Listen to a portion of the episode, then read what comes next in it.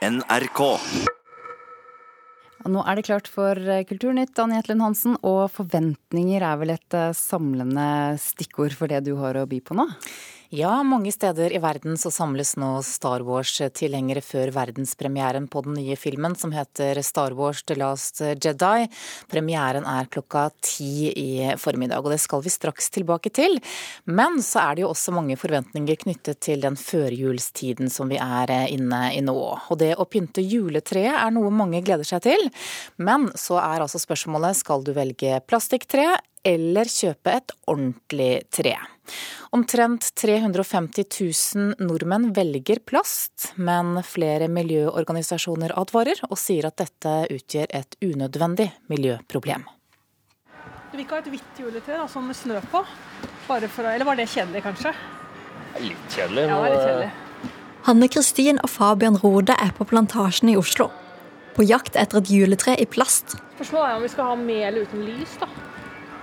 2000 uten. Da ville jeg heller gått uten. Ja, Altså. jeg tror nesten det, altså. Finere òg. Det var veldig fint. Det er nok mange nordmenn enig i. 350 000 av oss skal nemlig ha plast istedenfor edelgran i stua i år. Det viser tall fra organisasjonen Norsk juletre. Men nå ber flere miljøorganisasjoner nordmenn om å slutte å kjøpe juletrær i plast. plastjuletre. er Helt opplagt en dårligere løsning også miljømessig. Den er lagd av olje, og den er frakta eh, kanskje lange veier fra. Det sier Rasmus Hansson, tidligere talsmann i Miljøpartiet De Grønne. Det er som sagt ikke det største av våre miljøproblemer, men det er et litt eh, unødvendig miljøproblem. Fordi vi har rikelig med fine, levende, norskvokste, kortreiste julegraner. Som riktignok drysser litt, men folk flest har jo kost og feiebrett og støvsuger. Han får støtte av Natur og Ungdom. De mener at folk bør velge norske juletrær, og helst hogge de sjøl. Hansson sverger til ekte tre. Det er hyggeligst, det lukter best, eh, det ligner mest på en julegran, og eh, det er finest for miljøet. De ekte juletrærne er jo helt klart eh, mer miljøvennlig enn plastikk. Det sier Hilde Poppe, gartner hos Plantasjen. Men likevel er plasttrær fortsatt populært. Siste året har det jo vært en eh, stor økning på kunstige trær, selv om vi ser kanskje at den flater noe ut eh, i år. Selv om vi har 14 år igjen nå, så kan det se ut som trenden har stoppet litt, den økende trenden. Og vi ser også at eh, ekte juletrær har en økning igjen. Det merker også Kenneth Sletten Einang. I den kalde desemberlufta står han og selger juletrær i Oslo. Både vanlig gran og edelgran. Det går en del. Det går litt i rykk og nakk. da. Så eh, nå fra morgenen er det stille. Når folk blir ferdig på jobb, så går det jo litt mer. da. Hvorfor tror du vi nordmenn kjøper så mye plasttrær? Er lettvint, da. Så har det jo blitt veldig billige. Kanskje litt med like, allergi og slikt. Da kan jo plasttre være et alternativ, kanskje, da, hvis du er veldig allergisk. Men sjøl er han ikke fan av plastikken. Det blir ikke det samme, altså. Det blir eh, Nei. Så det blir ikke noe plasttre på deg, altså? nei, ikke mer. Ikke, ikke i familien min i hvert fall, tror jeg. Men hos familien Rode blir det plastikktre. De tror ikke det er så mye verre for miljøet enn bruk og kast av levende trær. Ettersom man kutter jo ned trær og blir bare kasta etterpå, så det blir ikke brukt til noe. og Da kan jeg ikke se for meg at det er så veldig miljøvennlig heller.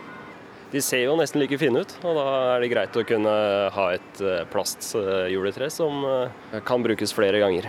Ikke sant? For dette treet kan jo vare i hvert fall min tid ut. Kan ikke se noen grunn til at det skal bli utslitt. Reportere her var Kristine Sterud og Caroline Tolvsen. I formiddag har den nye Star Wars-filmen The Last Jedi verdenspremiere også i Norge. Her får publikum møte igjen Luke Skywalker. Han er altså eh, en av hovedpersonene i den originale Star Wars-trilogien, men bortsett fra en liten scene i slutten av forrige film, så har ikke Skywalker vært med siden filmen Jedi-ridderen vender tilbake fra 1983. Det er skuespiller Mark Hamill som har rollen, og han sier til NRK at det var en utfordring å spille en dyster og deprimert utgave av Skywalker i denne nye filmen. a challenge certainly um, i you know luke was always the most hopeful optimistic character so i was surprised at how pessimistic and, and uh, depressed he is um, i said to ryan i said you got the Jedi all wrong. We don't give up. Uh, we, if we if we make a mistake, we double down and try and right that wrong.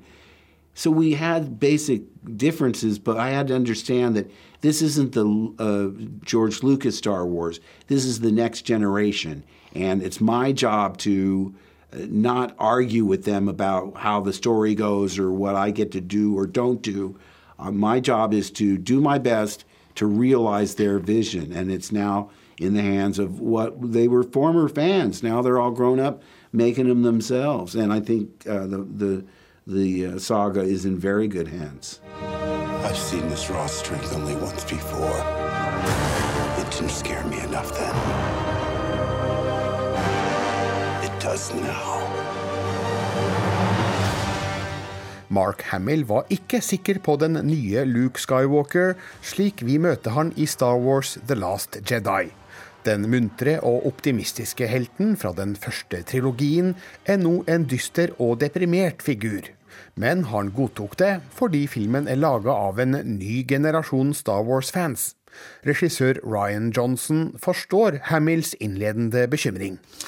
Well, of course. I mean, Mark, you know, has had how many years, 30 years since Return of the Jedi to imagine what Luke Skywalker's return would be. And the last time we saw Luke, he was the optimistic hero who had won the day, you know.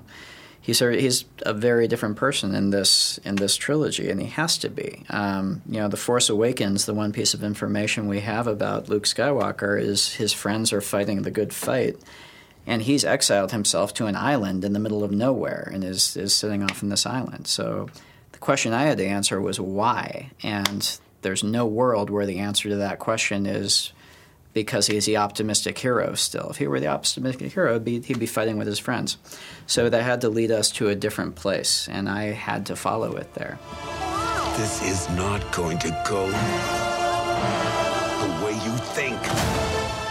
Luke Skywalker måtte bli slik for å forklare hvordan den forrige filmen slutta, sier regissør Ryan Johnson. Men tro nå ikke at Hamill på noen som helst måte er misfornøyd med å få gjenta rollen som den legendariske Star Wars-helten. No, I mean, every day is like, pinch me, is this really happening? Uh, I didn't expect it to come back, uh, but to be welcomed back uh, is, is just a, a wonderful feeling.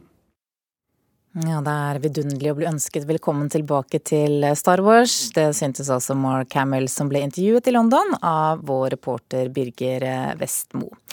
Så er det sånn da at det er bare drøyt halvannen time til verdenspremieren, og på Colosseum kino i Oslo så er iallfall noen av tilhengerne nå i ferd med å samle seg. Og reporter Thomas Alvarstein Ove, du er også på plass. Hvordan er kleskoden? Kleskoden, det går selvfølgelig i kostymer, og det blir eh, mye hvitt. Disse, disse um, hvite rustningene som er så karakteristiske for Star Wars-filmene, såkalte Stormtroopers. Og En av dem som er i ferd med å kle seg opp i denne rustningen, er Even Ellingsen fra den eh, største fanklubben her i landet. Hvordan eh, blir det for deg å se, se helten Luke Skywalker igjen på lerretet etter så mange år? Og det her blir fantastisk gøy.